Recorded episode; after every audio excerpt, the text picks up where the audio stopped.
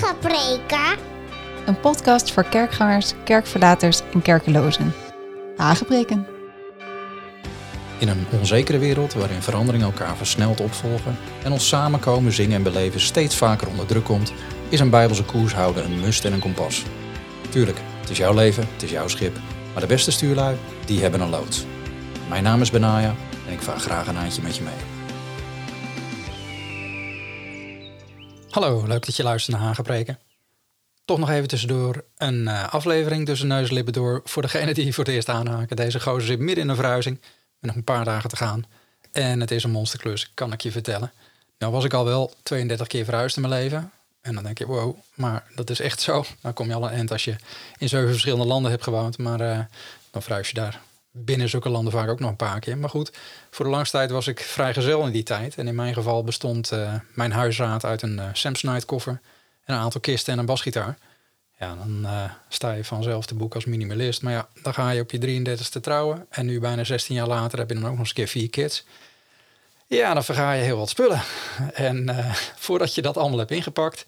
Dat is dan één. Maar voordat je de hele clan ook overtuigd hebt dat je eigenlijk niet zoveel meer nodig hebt in je leven als wat in een Samsonite koffer zou passen. Onbegonnen werk.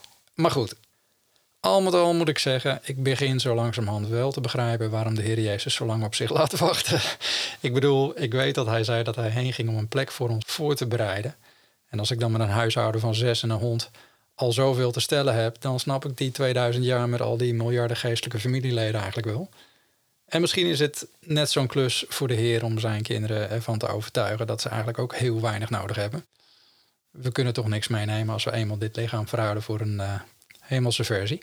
Maar gek eigenlijk, hè? En naarmate je ouder wordt, lijkt het wel of je steeds meer gaat beseffen, bezit bezwaart. Tenminste, zo werkt het voor mij. Hoe ouder ik word, hoe minder ik lijk nodig te hebben. Een afstand doen van spullen, met name als je er iemand blij mee kan maken, dat werkt op de een of andere manier bevrijdend voor mij. Ik voel me dan altijd een beetje lichter, minder bezwaard. En uh, nou ja, de leegte wordt dan opgevuld door de ruimte die het creëert. Oké, genoeg poëtische mijmeringen. We gaan eerst eens eventjes kijken nog naar geestelijke groei. De maand februari zal ik nodig hebben om, uh, om even met Jezus woorden te spreken, om een plaats voor u gereed te maken. Want niet alleen moet ik de nodige verbouwing en uh, opknapwerkzaamheden doen voor mijn vrouw en mijn kids. Maar ik hoop ook nog een bijkeukentje om te bouwen tot een studiokantoor. En dat heeft even tijd nodig. En daarom even een maandje podcast stilte. En dan per 1 maart hoop ik weer te starten met seizoen 3 van Aangepreken. Dus dan weet je dat alvast. Maar dan nu nog even de afsluiting van het tweede seizoen. Want uh, we zijn er nog niet helemaal. En daarvoor keren we nog één keer terug naar de basistekst voor deze serie. Namelijk 1 Johannes 2, vers 12 tot 14. We hebben al veel gekeken naar de diverse ins en outs van de groeistadia die parallel lopen met de groeien naar de gelijkvormigheid, naar het volwassen beeld van Jezus Christus. Maar dit keer wil ik nog één keer naar de letterlijke tekst kijken. Zoals Johannes ja, met een enorme bewogenheid heeft geschreven. Hij zei namelijk: Ik schrijf u lieve kinderen, want de zonden zijn u vergeven omwille van zijn naam. Ik schrijf u vaders, omdat u hem kent, die er vanaf het begin is. Ik schrijf u jonge mannen, omdat u de boze hebt overwonnen. En dan zegt hij nog een keer: Ik schrijf u lieve kinderen, omdat u de Vader kent. Ik heb u geschreven vaders, omdat u hem kent, die er vanaf het begin is. Ik heb u geschreven, jonge mannen, omdat u sterk bent en het woord van God in u blijft en u de boze hebt overwonnen. Nou, we hebben er al een heleboel over eh, gezegd en veel naar gekeken. Maar wat we nog niet hebben gedaan is eventjes letterlijk kijken misschien naar die tekst. Wat me allereerst opvalt is dat kinderen vooral worden gekenmerkt door Johannes als degene die mogen weten dat hun zonden zijn vergeven. En dat niet zozeer om hun eigen reputatie recht te trekken, maar het zegt hier omwille van zijn naam. Dat is boeiend, nietwaar? Want dat laat iets heel bijzonders zien.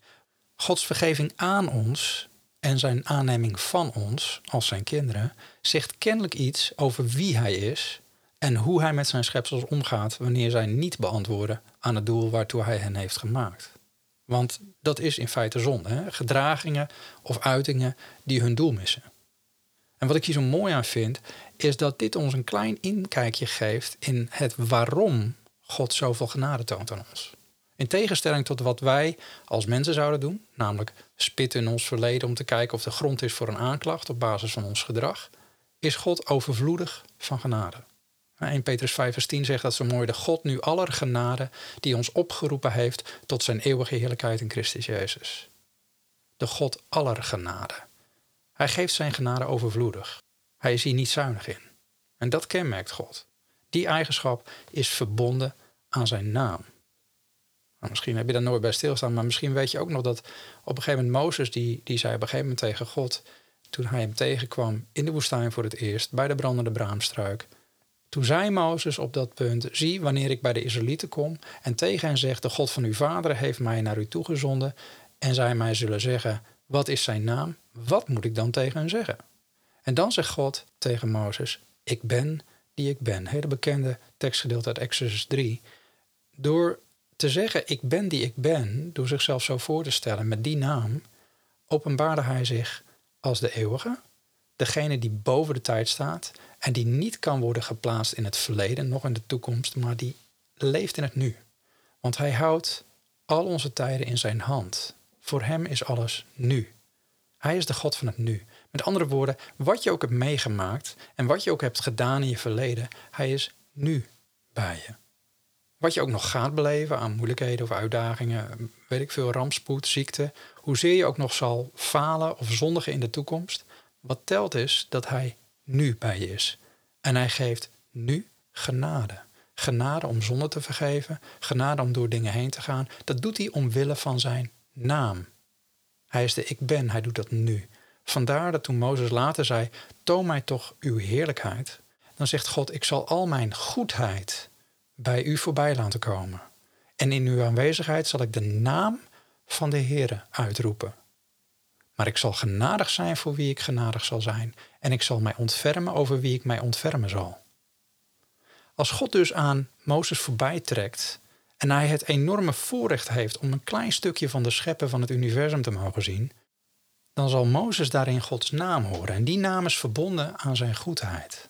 Daarom voegt God eraan toe dat hij gaat over wie hij genade geeft en over wie hij zich zal ontfermen. En waarom niet andere aspecten? Waarom zegt hij niet: Ik zal scheppen wat ik scheppen zal, of heersen over waar ik over heersen zal? Nee, hij spreekt over genade en ontferming, want dat is met name verbonden aan zijn naam. Kom je bij de ik ben die ik ben, kom je in Gods aanwezigheid, dan blijkt dat zijn genade onlosmakelijk verbonden is met zijn naam. Dat is prachtig. iemands naam is namelijk meer als een aanspreekpunt. Je naam is ook je reputatie. dat zeggen we zelfs als iemand een goede naam heeft of iemand heeft een slechte naam. Nou, Johannes zegt dat kinderen mogen weten, hun vergeving en hun aanneming als kinderen in Gods huisgezin is onlosmakelijk verbonden met Gods naam. En dus ook zijn reputatie.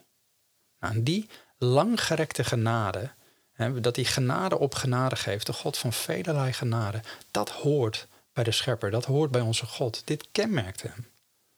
En, en ik weet niet hoe het jou vergaat, maar genade spreekt in die zin ook van geduld. En een vermogen om verder te kijken dan enkel die ene overtreding. Dat ene moment. Het spreekt van een vaderhart dat voorbij incidenten of zelfs patronen kijkt, maar altijd weer perspectief blijft zien en dit ook wil bieden, omdat hij gedachten van vrede en niet van kwaad over je koestert, van hoop en een betere toekomst. Hè? Zoals zo mooi staat in Jeremia 29. Vandaar dat tegen kinderen wordt gezegd dat ze hem op die manier mogen kennen.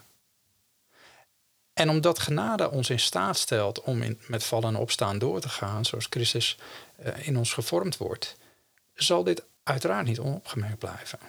Vandaar dat als Johannes verder gaat over jongeren, dat hij zegt over jongeren dat ze inmiddels sterk zijn geworden. Genade stelt je namelijk in staat om niet op dat ene moment te blijven, maar kracht te ontvangen om door te groeien. En we hebben het er uitgebreid over gehad in deze serie. Je wordt sterk doordat je met vallen en opstaan zijn woord vast weet te houden.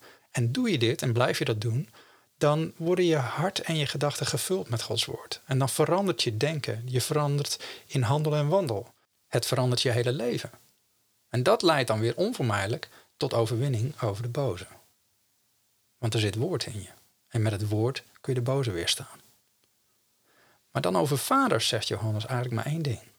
Hij zegt feitelijk twee keer hetzelfde, namelijk ik heb u geschreven vaders, omdat u hem kent die er vanaf het begin is.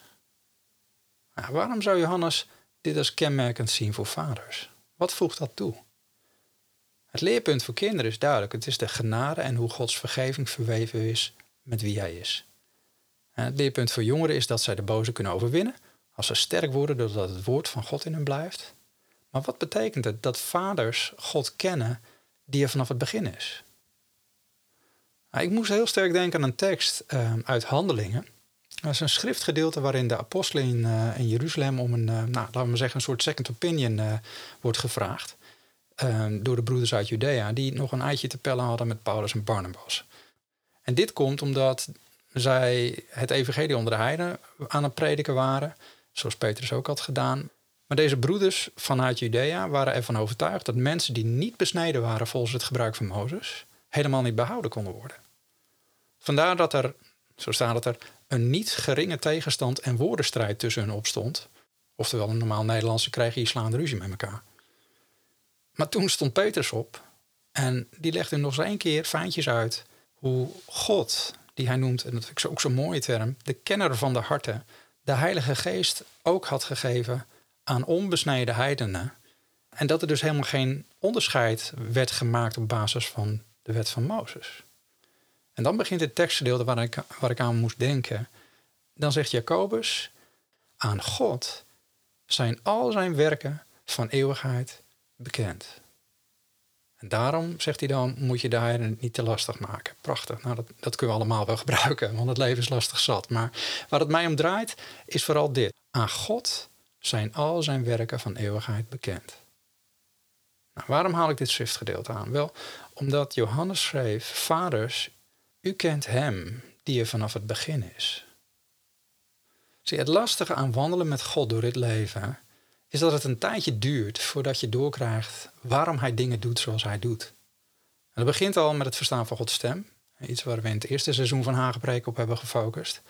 En zoals dat het een tijdje duurt voordat je Engels kan spreken of honds kan spreken voor degene die een hond hebben en moeten leren omgaan met zo'n viervoeter en wat hij begrijpt en niet.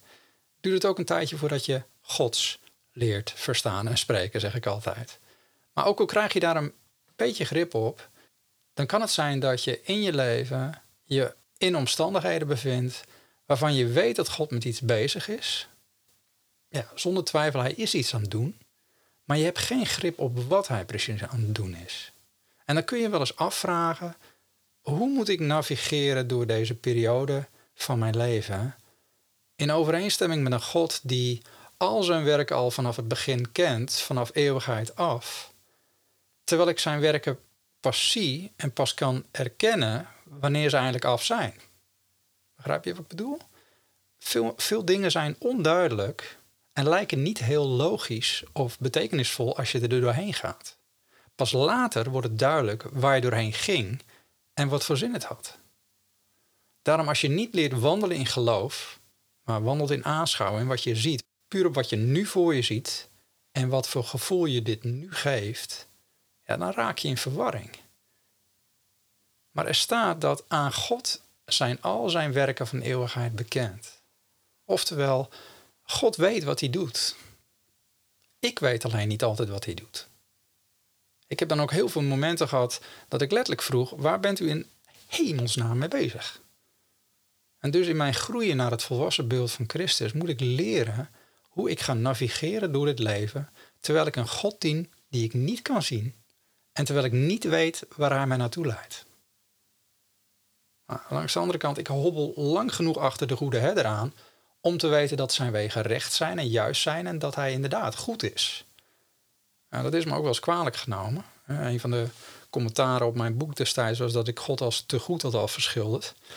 Oké, nou, guilty as charged, dacht ik nog. Ik bedoel, ik vond het een compliment. Als mij dit wordt aangerekend dat ik een te hoge pet van God op heb, nou, dat ik hem te mooi afschilder, dan heb ik iets goeds gedaan, denk ik. Want hij is goed. En waarom? Nou, de Bijbel zegt ten eerste dat hij goed is en dat, dat zijn goede tierenheid voor eeuwig duurt. Dus dat geloof ik. Sterker nog, dat is ondanks alle rampspoed en pijn in mijn leven nog steeds ook mijn ervaring en conclusie, uiteindelijk. Iemand vroeg mij ooit, uh, ja, naar wat ze wel hoorden dan als ik wat deel van wat ik meemaak. Zei, voel jij je wel veilig bij God? Nou, ik weet niet of God veilig is, maar ik weet wel dat hij goed is. Juist omdat ik door dit leven loop en niet het hele plaatje heb van wat hij precies aan het doen is. En dan is het heel makkelijk om terug te vallen op de ervaringen die je nu hebt en het gevoel wat het je nu geeft. Maar diezelfde hemelse vader van ons zegt ook, hè, Jezaja 43 bekende tekst, blijf niet staan bij wat eertijds is gebeurd, laat het verleden nu rusten. En dan zegt hij, zie, ik ga iets nieuws verrichten. Nu ontkiemt het, heb je het nog niet opgemerkt? Ik baan een weg door de woestijn, ik maak rivieren in de wildernis. En dat is het precies, iets nieuws. Iets. En wat dat iets is, dat weet ik nog niet. Wel weet ik dat alle dingen mogelijk zijn voor degene die gelooft, hè, Marcus 9. Wat die dingen zijn, is mij nu nog niet duidelijk. Maar ik weet wel dat hij iets nieuws aan het doen is. En omdat je blijft wandelen met God en je blijft focussen op zijn goedheid, is het soms lastig om andere mensen uit te leggen waar je nou precies aan vasthoudt. Niet dat dit aha-moment nooit komt, maar terwijl je er doorheen gaat, zie je dat ook gewoonweg niet. Je vertrouwt alleen dat God alles wat er is, de goede plaats in de tijd heeft gegeven. En dat hij ook ons als mensen inzicht in die tijd heeft gegeven. Maar er staat ook, prediker 3, dat de mens het werk van God niet van het begin tot einde kan doorgronden. Dus je weet niet waar je doorheen gaat. Je weet alleen dat er voor alles een tijd en een seizoen is. Het lastige is alleen dat het enige wat helder is, is gisteren. Het traject wat je al hebt afgelegd, waar je al doorheen bent gegaan. toen ik 18 was, kon ik me geen voorstelling maken van hoe het zou zijn om 40 te zijn. Want dan ben je in de kracht van je jeugd en je voelt je onoverwinnelijk en slim en je denkt dat je heel wat mans bent. Maar tegen de tijd dat je 30 bent, realiseer je dat je nog van niets wist. Omdat je terugkijkt. Dat kun je zien. En als je dan twintiger bent of in je dertiger jarig komt, dan, dan kan je weer geen beeld vormen van hoe 50 eruit ziet. En dit altijd blijft het verbazingwekkend hoe je definitie van oud worden of oud zijn blijft veranderen met de jaren. Als je 18 bent, dan lijken mensen van 30 oud. En als je dan richting de 50 gaat, zoals ik nu, dan zie je iemand die amper 30 is en dan denk je, je bent nog een broekie. Je komt net kijken.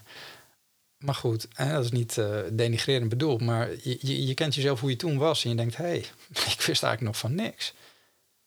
En dat is omdat het makkelijker is om terug te kijken dan om vooruit te kijken. Want vooruitkijken, dat wil nou helemaal niet.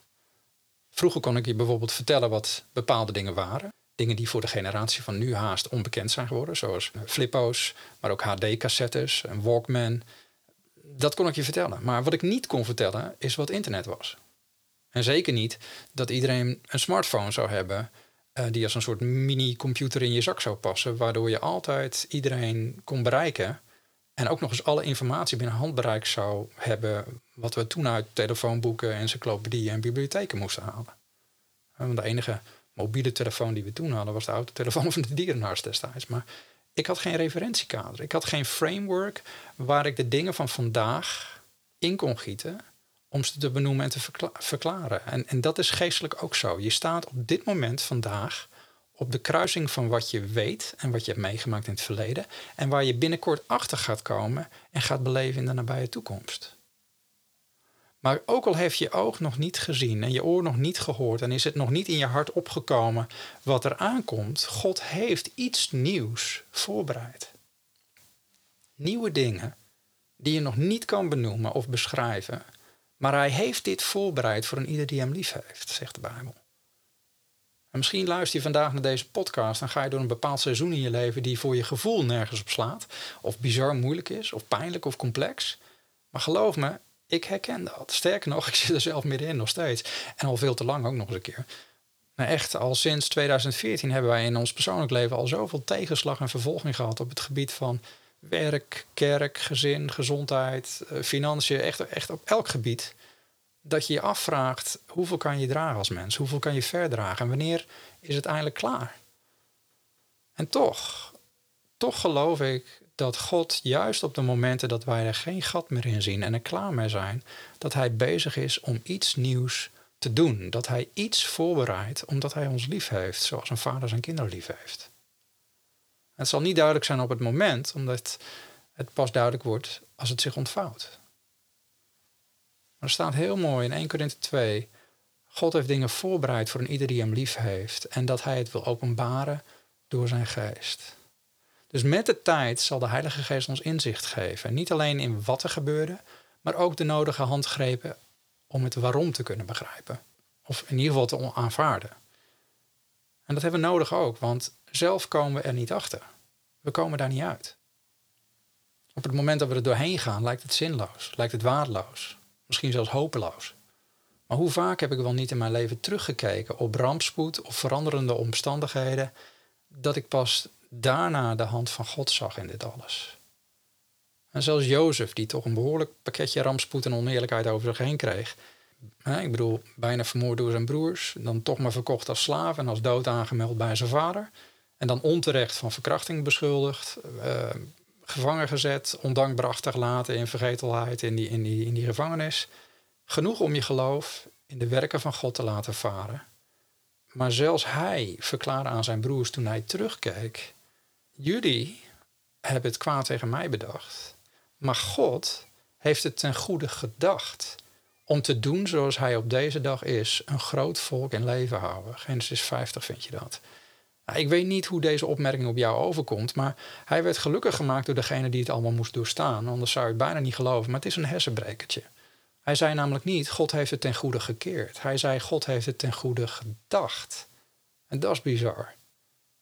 Maar wat een conclusie. Ik weet niet of ik dit over alles kan zeggen wat ik zelf heb meegemaakt in mijn leven en in mijn eigen lichaam.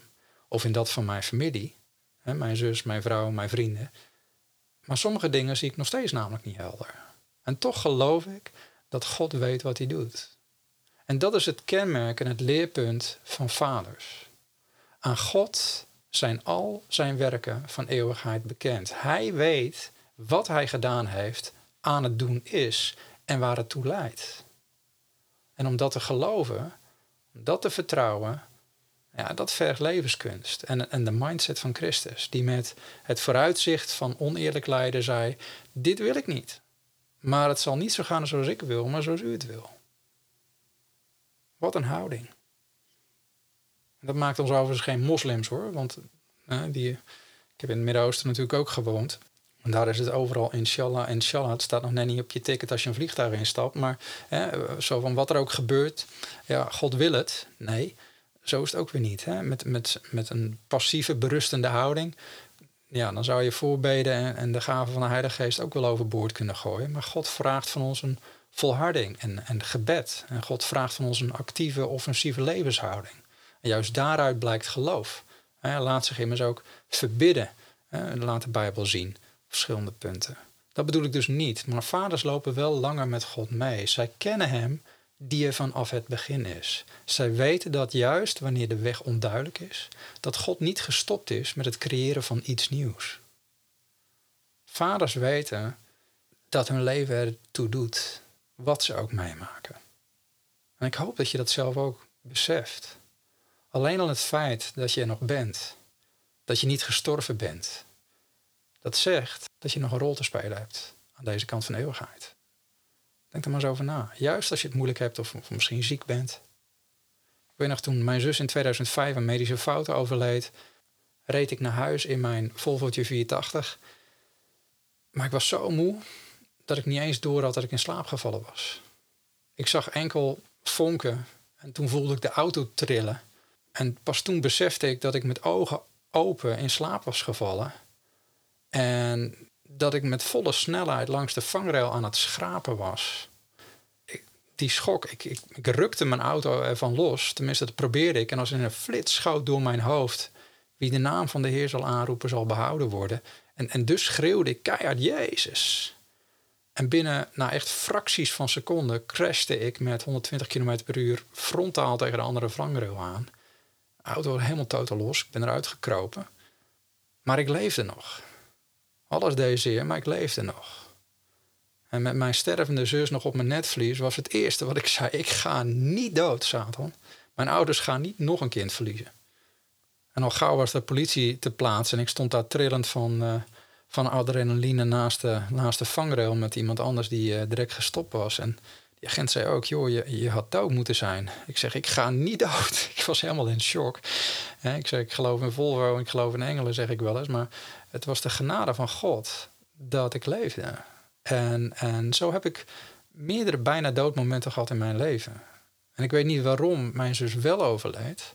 Of vrienden van mij, zoals, zoals een Peter of een Bashir of een Jorik. Sommige heb ik over verteld in deze podcast. Dat weet ik niet. Maar wat ik wel weet, dat ik er nog ben. En dat ik er kennelijk nog moet zijn nu. Want dat geldt ook voor jou als je naar deze podcast luistert. Waar je ook doorheen gegaan bent of nog gaat. Wat je ook hebt of wat je ook ontbreekt. Je bent er nog wel. En zolang je aan deze kant van de eeuwigheid staat, heb je nog een rol te vervullen. En heeft God nog een plan. En dat plan gaat zich ontvouwen. En hoe meer je dat beseft, hoe meer je groeit in vaderschap. Want je kent hem die vanaf het begin is. Je weet, hij heeft een plan. En we hebben vaders nodig in het lichaam van Christus. Al zal het alleen maar zijn om hoop en bemoediging te brengen. Wat vooral dat vaderschapsaspect van geestelijke groei kenmerkt, is dat een vader het vermogen heeft ontwikkeld om God aan het werk te zien, dwars door alles heen. Zelfs dat als je zelf niet weet waar hij je leidt en wat hij op dit moment aan het doen is, dat je ergens diep van binnen een rotsvast, koppig geloof hebt ontwikkeld dat God iets aan het doen is. Iets nieuws waaruit blijkt dat hij goed is.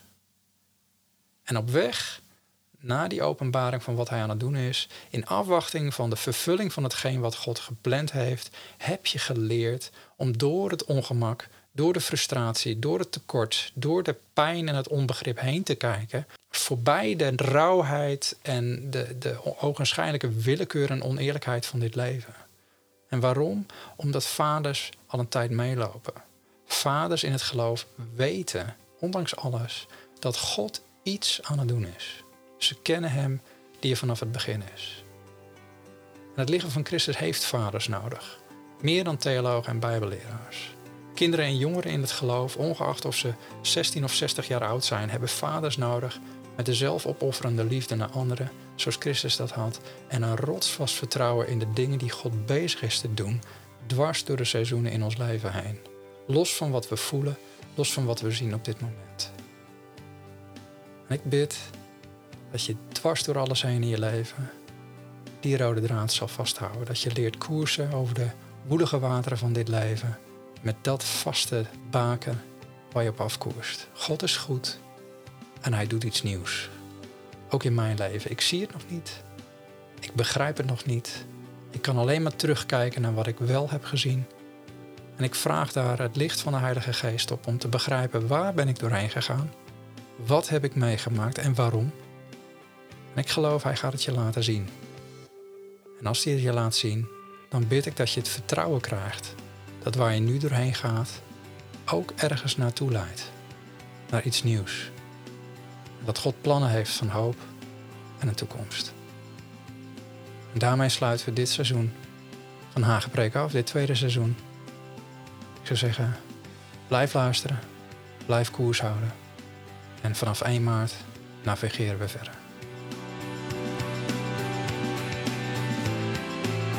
Heb je vragen, opmerkingen of aanvullingen? Mail naar podcast.saintcanine.com En opnieuw een heel hartelijk dank voor alle sponsors die seizoen 2 van Hagepreken hebben mogelijk gemaakt. Dankjewel.